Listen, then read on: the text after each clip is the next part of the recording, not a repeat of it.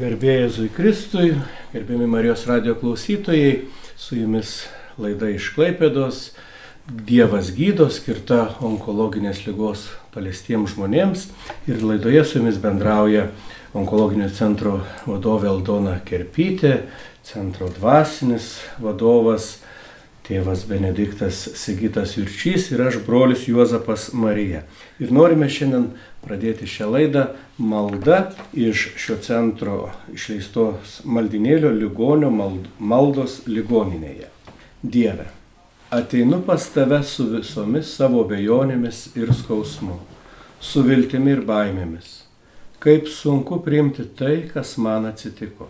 Aš turiu daugybę bejonių ir klausimų o kartais pajuntu net pykti tau. Tačiau žinau, kad neišgyvenčiau nei dienos be tavo pagalbos ir teikiamos stiprybės. Būdamas silpnas, aš išlieju visą savo sielvartą, savo ašarą, savo gailestį ir savo bejonės tau. Prašau, paimk ir nešk mane tokį, koks aš esu. Suteik man Dievę ramybės dvasę. Amen. Bet girdėjome tikrai nuostabę maldą. Iš tikrųjų klausimas, o kas iš mūsų netroško išsigydyti ar būti išgydytas? Tikriausiai tokio žmogaus nėra. Kažkaip tai šiandieną norėčiau bendrai pakalbėti apie gyvenimo tikslą. Koks yra gyvenimo tikslas? Mažiau kalbėti reikia apie gyvenimo prasme, bet turime kalbėti daugiau apie gyvenimo tikslą.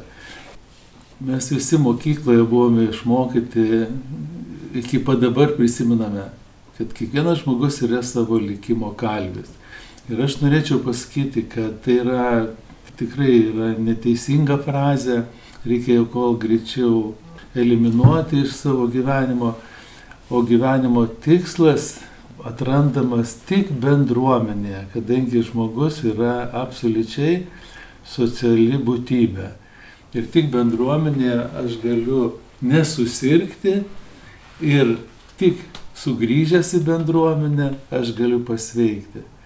Galime labai daug kalbėti, kad žmoguje yra daug galių, kad žmoguje yra Dievas, kad žmogus gali įsigydyti pats iš visokiausių lygų. Aš noriu pasakyti ir jau po tiek kunigysės metų ir dvasinio gyvenimo metų, kad žmogus iš tikrųjų pagyja, atsistoja pilnai ant kojų, tik būdamas bendruomenėje. Kaip tik noriu pasidalinti nu, tokia žinia, kad vakar į mūsų centrą atvyko moteris, kuri prieš 16 metų buvo susirgusi onkologinė liga ir po to išvykusi gyventi į užsienį Ir prieš 16 metų atvyko pažiūrėti, kaip mes čia įsikūrę esam. Ir sako, atvažiavau pasakyti, kad esu gyva, kad seku jūsų veiklą, darbą. Ir dar noriu pasakyti, kad tada prieš 16 metų, kai aš susirgau, sako, man tai buvo svarbu ateiti į jūsų bendruomenę, į mūsų centro Vilties piligrimų bendruomenę, kur aš gavau sustiprinantį žodį, kur meldėmės kartu. Ir tie žodžiai mane lydi visą tą 16 metų buvo labai svarbu susitikti su kitais ir nepasilikti vienai, nes viena nebūčiau turėjusi jėgų. Tai atvažiavau dar tiesiog aplankyti, mhm. bet kaip tik ženklas, kad turim būti kartu, nes po vieną mums yra be galo sunku, pasiklystame, net laikom tų savo emocijų ir žinoma pradedame pykti net ant Dievo. Ne tik pykti ant Dievo, bet būtent visai nesenai aš išgirdau pirmą kartą, įsivaizduokit, man jau 68 metai ir aš išgirdau tokią frazę, kad Dievas yra amoralus. Tai va, Kodėl?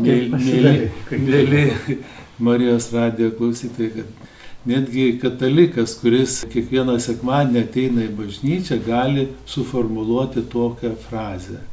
Nes susirgo anūkė onkologinė lyga, iš tikrųjų smegenyse nustatė, rado auglį ir va, jinai kreipėsi į Dievą, tokiais žodžiais Dieve, aš tiek visą gyvenimą tau tarnauju, visą gyvenimą tau paukojau kiekvieną sekmadienį mišiuose, visada prie rinkliavos, komunijos, visada, visada aš buvau vos ne pirma. O dabar aš tavęs prašau ir tu nieko man nepadedi. Ir iš viso Dievas yra moralus. Jeigu jis negali man padėti.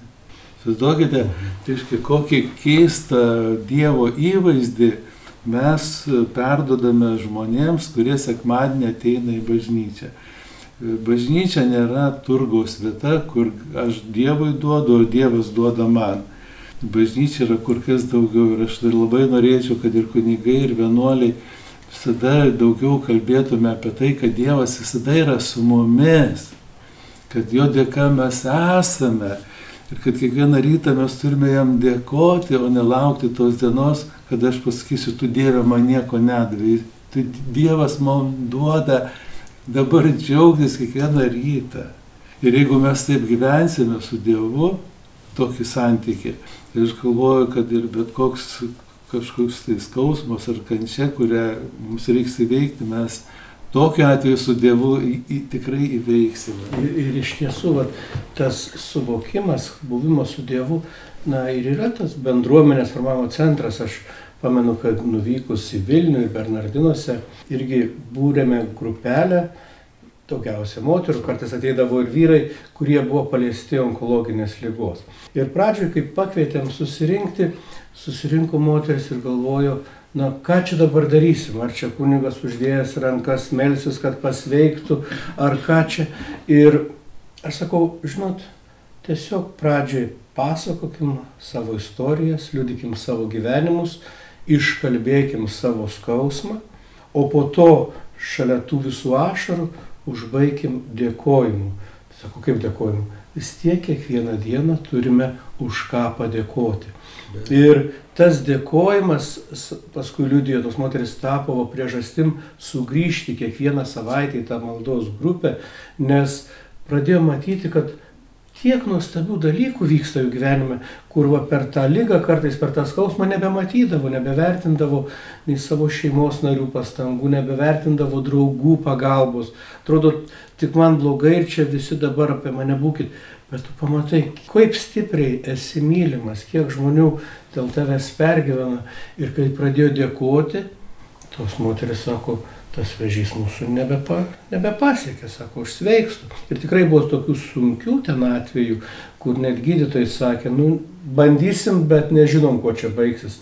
Ir ačiū Dievui, kažkaip va, tos moteris gyvena ir dabar čia Klaipėdoje vyksta ir tie Magdalenos bėgimai dar, jos atvažiuoja, jos džiaugiasi tuo gyvenimu, bet svarbiausia, kad jos atėjo į bendruomenę, atėjo, kad ir mažą maldos grupelę, kur pradėjo dėkoti.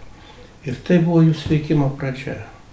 Gal žmogus pasimetęs pačiai pradžiai šitaip išreiškia tą savo skausmą, nu, pykdamas ant Dievo, nu, bent jau bendraudamas su juo, negu visiškai išbraukdamas iš savo gyvenimo. Ir žmonės nesuvokia to savo santykių su Dievu. Gydimas santykių, santykių gydimas vyksta ar paties žmogaus veikiamas, nes gali būti, išeina tokia kančia, kaip priekaištas, kol jisai susivokia kol atgauna tą ramybę pažinimo. Yra daug žmonių sakė, kad kiek aš žvakučių jau uždegiau bažnyčiai, o man nieko. Taip.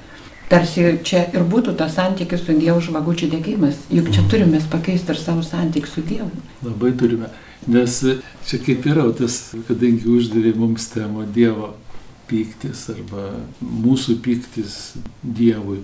Nes kodėl jis atsiranda bendrai tarp psichologų yra tokia, tokia studija apie, apie baimę, apie tą emociją. Stipriausia emocija tai yra pirma pradė, tokia emocija yra baimė. Ir jeigu tos baimės daug, tai po to ir pykčio labai daug yra. Ir vėl mes grįžtame į bažnyčią, noriu sugrįžti į kunigo darbo vietą, vienuolės, vienuolę celę kad mes turime brandinti savį tokias žinias, kad žmonėms perduoti, kad Dievas tikrai yra meilė. Jis, bet meilė ne tokia, kad jis truputį kažką myli daugiau, kitą myli mažiau, bet jis yra meilė. Ir jeigu jis yra meilė, tada banė jokiais būdais ir pykčio nebus. Įsivaizduok Dievui. Įsivaizduokit dabar, Čia aš klausiausi vieno italo psichologo komentarą. Sako, dabar pandemijos metu pas mus susitelkia tokia didžiulė baime ir vat pandemija traukiasi ir jos vietą užima toks didžiulis pyktis, bet taip ir yra. Ir aš žiūriu Lietuvoje dabar kaip niekad tiek daug pykčio, bet mažiausias dalykėlis ir iš karto viskas į pyktį išeina. Vėl ta nu, kita emocija, pyktis tai irgi yra emocija. Todėl daugiau reikia vis dėlto kalbėti apie, apie tą Jėzų, kuris savo meilę mūsų jungia. Kaip visas mūsų kūno lastelės, visos mūsų kūno lastelės jungia Dievo buvimas. Ir būtent tą, kaip mes jau esame kalbėję, būtent viežinė lastelė save iš tos sistemos, iš to algoritmo dvasinio, gyvybės algoritmo, save išmeta, atjungia.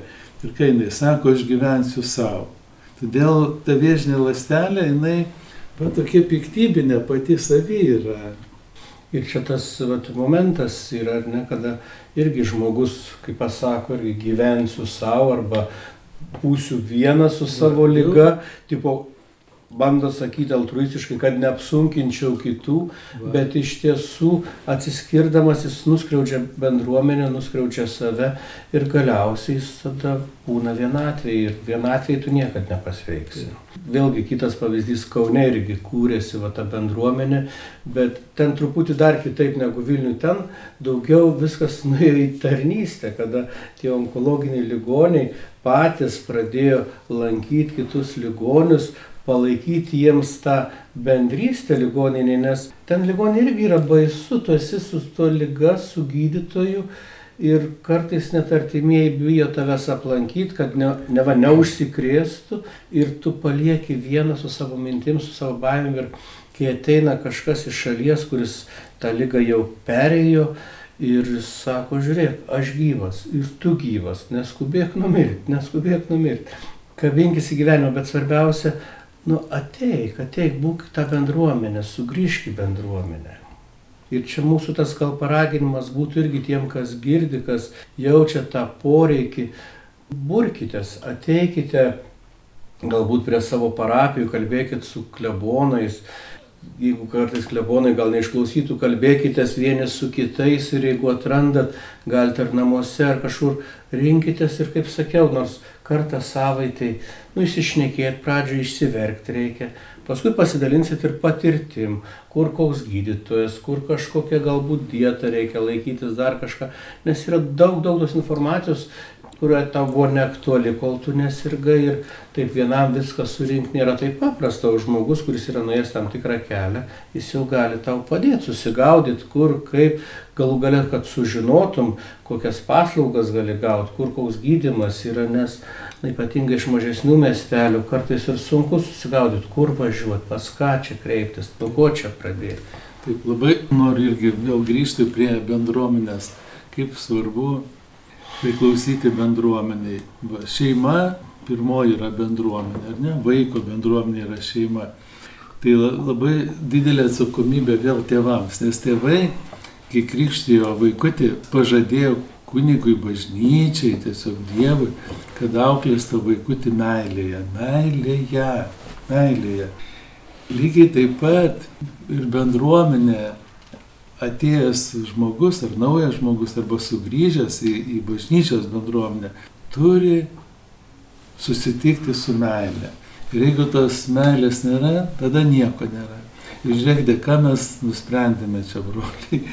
Mes labai sėkmingai ruošiame vaikus antrajai komunijai, taip juokauju, nes paprastai ruošia pirmai komunijai, mes ruošdavome čia antrajai komunijai, bet šiais metais apsisprendėme, vaikų neberuošti antrajai komunijai, o paruošti bendruomenę, kad tie vaikai, jie galėtų gyventi toje bendruomenėje. Nes pagalvokit, mėly kunigai, vienuolės, kiek daug vaikų per metus priima pirmąją komuniją, bet jie kodėl nebeteina į bažnyčią, kadangi bažnyčia nebėra jiems kaip bendruomenė. Nėra ta vieta, kur jie galėtų gyventi.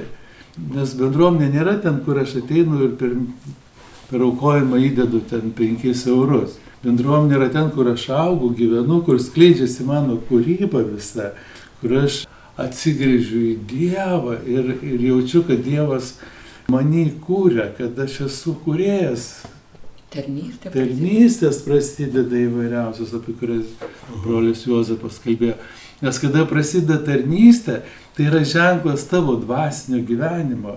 O pasveikimas neįmanomas, žmogaus fizinės kūnas niekada nepasveiks be dvasinės tarnystės. Ir tikrai, bet apie tas tarnystės, kaip yra gražu matyti tuos vaisius, va čia šalia to onko centro, kur atėjo žmonės tikrai pradžioj nedrasus, paskui kažkaip sustiprėti, jie dabar ateina ir pradeda tarnautojų bendruomeniai. Čia, kad ir paprastuose dalykuose ateina padėti nugenėti rožės, ateina žolę nupjauti prie bažnyčios, ateina vienas, vat, kuris buvo tikrai pergyveno sunkiai, tenais onkologinikai, tarnauja autistiškų vaikų stovykloje, padėdamas jiems maistą, išdalinti dar kažką. Žmonės tikrai atranda, kad gyventi ne tik dėl savęs, bet dėl kitų ir kad pradėt gyventi dėl kitų, tada yra tikslas ir pasveikti, nes aš noriu atnešti savį tą bendruomenę. Nes e, kiekviena mūsų lastelė gyvena dėl kitų lastelių. O čia ir yra tas, jeigu mes norime tikrai sveikti, mes turime sveikti bendruomenėje ir tu turi savo tarnystę, savo gerais darbais, liktai vėl įsijungti į bendruomenę kaip kūną, kaip audinį gyvą. Nes žmogaus gyvybė vėl tas o, toks, toks Mes lietuviai gal mažai apie tai galvojame, nes pas mus tik tai yra žodis gyvybė, ar ne, mano gyvybė. O kokia ta gyvybė? Apie kokią gyvybę mes kalbame? Arba, kai kalbėjau pradžioje, apie kokią prasme kalbam? Ar apie biologinio kūno gyvybę ir biologinio kūno prasme? O gal tu galvoji apie save kaip apie zoo, apie zoologiją, apie kaip žmogaus rūšies išlikimą, tada tau rūpi tik tai dauginimasis, valgymas, kad tik tai ta rūšis išliktų kaip žmogaus rūšis. O galbūt tu pradėsi galvoti apie savo psichę, apie sielą, sielos gyvybę. Tai mano trys komponentai, atrodytų trys prasmes ir norėtųsi vis tiek daugiau kalbėti apie kad kiekvieno žmogaus gyvybė arba žmogaus gyvenimo tikslas tikrai realizuojasi bendruomenėje. Kristaus bendruomenė ir, ir tik Kristaus bendruomenė, kuris ateina ir parodo mums, ką bendruomenė turi veikti. Jeigu mes norime panašėti į Kristų, tai turime sekti jo pavyzdžių. Jis vienintelis religijų atstovas, Kristus Dievas, tus ateina ir tarnauti. Tarnauti. Nevaldyti kaip mūsų dabar, nenoriu kalbėti, bet visi tie, kurie yra hierarchijai, kiek ten tarnystės yra. Yra klausimas didelis. Bet labai gražu, kad nu, ateina tas ir į bažnyčios tą vadovų sąmonę, supratimą. Popiežius, aišku, jau keletą metų iš eilės kalą visiems. Ir nepavargsta. ir nepavargsta. Bendruomenė tarnystė, bendruomenė tarnystė. Ir aš labai vat, džiaugiuosi, kad vat, šiemet jau kunigų seminarija, Kauno kunigų seminarija iš tikrųjų išgirdus, atsiliepus ir popiežiaus kvietimą ir galbūt šiek tiek įkvėpti ir vat, čia brolių pranciškonų to pavyzdžio įveda seminarijoje netgi atskirą kursą klerikams, kur supažindins, kaip reikia priimti, padėti, tarnauti onkologiniams ligonėms. Tai va, čia padrasinimas, kad ta naujoji kunigų karta jau bus susipažinus su tai, kaip burti tas bendruomenės mokės jau žmonės galbūt padrasinti, nukreipti ir kadangi tai yra projektas kartu socialinių reikalų ministerija, tai sužinos ir kokios galima iš valstybės gauti pagalbos, nes irgi žmogui kartais sunku susigauti, tai jis atrodo labai vienas, bet kada išgirsi, kad tiek ir valstybei, tiek bažnyčiai, tiek bendruomeniai tu rūpi ir kad tu esi jiems svarbus ir tada galbūt bus drąsiau toje lygoje ir galėsi susimti ir sakysi, nu jeigu kažkam dar reikia manęs, tai gal reikia bandyti pasveikti.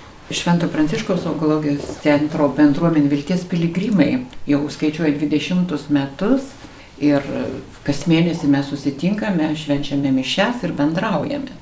Ir pagalvoju, per tiek metų, jeigu būtų šita bendruomenė na, sustikinėjusi tik šiaip savo, žodžiu, ir neturėjusi, nu, kažkokią kultūrinę programą ir neturėjusi to išsikalbėjimo, kada susėdam, nu, 30-40 žmonių ir daugiau, ir visi iš eilės dailiai dalyjomės, kaip mes tą mėnesį nugyvenom, kokie mums buvo skausmai, kaip mes ten sveikome, kas mus džiugino, tai labai suartina, iš tikrųjų leidžia vieni kitais moko pasitikėti pasitikėti, stiprinti savo tikėjimą ir pažinti visai kitaip Dievą. Visada jūs buvote šalia su mumis per visus tos sustikimus ir kaip čia gali žmogus klėstis, ateiti į visai kitą santykį su Dievu, nuo to, kad aš dalyvavau visą gyvenimą sažiningai mišiose, degiau žvakutes ar kažką, ko gero į tą tokį šiek tiek ir fariziejišką santykį su bažnyčia ir su, su, su Dievu. Ir tada nustebusiu, kodėl niekas neveikia. Nes tu tiesiog dar Dievo nepažinai, neįėjai į tą santykį. Ir iš tos bendruomenės, va dabar prisiminiau dvi moteris - Albina ir Vandutė, kurioms lyga labai suprogresavo ir jos išvažiavo į Vilnių, į Santariškės, tai pasitekė, kad kartu gulėjo ligoniniai su vilties bėgimo marškinėliais žydrais tokiais ir jos ten jautėsi laimingos, nebijojo tos mirties, jos turėjo tvirtą tikėjimą, pasitikėjimą ir kaip jos toj ligonėje įkvėpinėjo gyventi, mylėti, nepasiduoti kitas moteris. Ir pastebėjo tą ir gydytojai ir prašydavau, kad dar nueikit į tą palatą, ten visai nusiminusios, nueikit dar į tą ir man jos skambina. Sako, klausyk, mes čia savanoriaujam su vilties bėgimo marškinėliais, sako, mus irgi tai prašo ir sako, ir galvojam, nu mes tai sako, jau tikrai žinom, kad gyvenam paskutinės ten dienas mėnesių savaitės. Bet sako, ir galvojam, kuo mes skiriamės, sako, kodėl jos tai bijo, o kodėl mums ramu. Ramybė tai yra tikrai šventosios dvasios dovana, dvasinės veikatos dovana, kas priešingai yra baimė. Ir jos sako, žinai, mes supratom, Mes esame naujai įsiprasminę žmonės, pakeitę savo gyvenimo tikslą ir prasme. Tai kiekvienam va, reikia atrasti tą savo naują prasme pagal Dievą, kuri išeina iš tos meilės, į kurią Dievas nuskriaudė. Aš pastebėjau irgi per tos tai ilgus jau mūsų kelionės metus, kad kaip keičiasi pati savoka tikėjimas. Kai žmogus ateina ir dabar dauguma žmonių, kuriais sustinkame, paklausiu, ką reiškia tau tikėjimas, tai paprastai pradeda kalbėti tai apie doktriną, kad aš tikiu Dievo tėvą visą gali, dangaus ir žemės turėjo, o iš tikrųjų tikėjimas yra kur kas daugiau negu doktrina. Čia yra doktriniai dalykai. O tikėjimas, kada va, mes jau santykyje, tarpusavio santykiuose jau tarnaujame vienas kitam kartu su Jėzumi, Jėzaus pavyzdžiu. Čia yra tikėjimas, kad tikrai Jėzus atėjo, kad tikrai su mumis pasilieka, kad tikrai jis nori, kad mes būtume sveiki, kad jis tikrai nori viską padaryti, kad mes nesirgtume.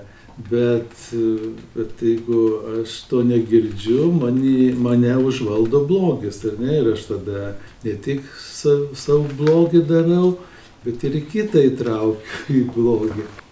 Bendruomenė gerai, bet dabar kaip tik pagalvoju apie tos žmonės, kurie nebegali ateiti tą bendruomenę, kurie yra tikrai išlaurus, nebepakylantis žmonės. Kaip jiems išgyventi tą savo vienatvę ir be šito bendruomeniškumo, kas jiems gali sudaryti bendruomenę. Daugiau mes dabar kalbėjome apie tą fizinę bendruomenę, ne, tokią regimą, ne, kaip Dievo ženklą, kuri gyvena tikrai savo, kur kurį visi pažįsta toje bendruomenėje, kas yra santechnikas, kas yra radiomechanikas ir naudojasi visom šitom paslaugom. Tai ne vien tik tai malda, o dabar dvasiškai bendruomeniai gali priklausyti, mūsų bendruomeniai gali priklausyti ir tie ligoniai, kurie guli Ignalinoje ir Vilniuje ir Kaune. Dvasinė bendruomenė yra dar stipresnė, nes mes tada, reiškia, melžiamės, nes yra malda. Malda yra be galo didžiulis dalykas, apie kurią tikrai reiktų pakalbėti, reiškia malda, o ligonio malda, kas tai yra, kaip ligonis melžiasi, kaip turėtų ligonis melsis. Čia reiktų atskirą laidą paruošti šitą. Ir iš ties, na, labai džiugu, jeigu žmogus yra turėjęs tą bendruomenės patirtį ir tada bendruomenė gyvai gali užimelstis, bet, na, nepaslaptis, kad tikrai augome ir toje sistemoje, dar nemažai ir to tarybinės laikais gimė, kurie skatino nepasitikėti kitų žmogumi ir, ir bendruomenė kartais kaip prakeiksmas eidavo.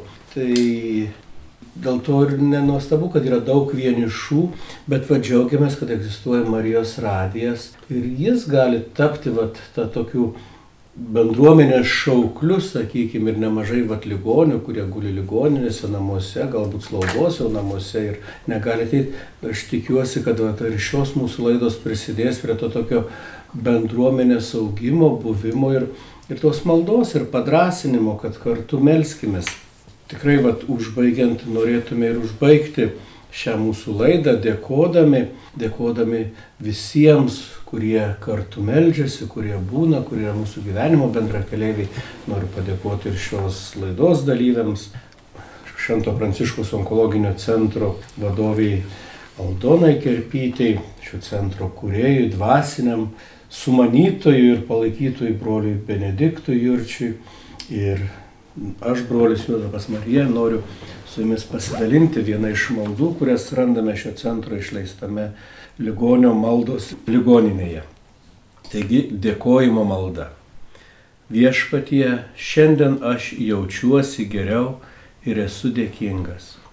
Ačiū tau, kad esi su manimi, kai gydausi ligoninėje ir už visus, kurie manimi rūpinasi.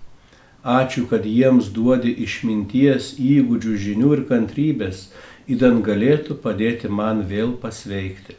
Ačiū tau už draugus ir šeimą, kurie prisiminė, padėjo, lankė ir meldėsi. Ačiū už bažnyčios bendruomenės meilę, kuri meldėsi už mane. Ačiū tau, Jėzau. Amen. Amen. Su Dievu. Su Dievu.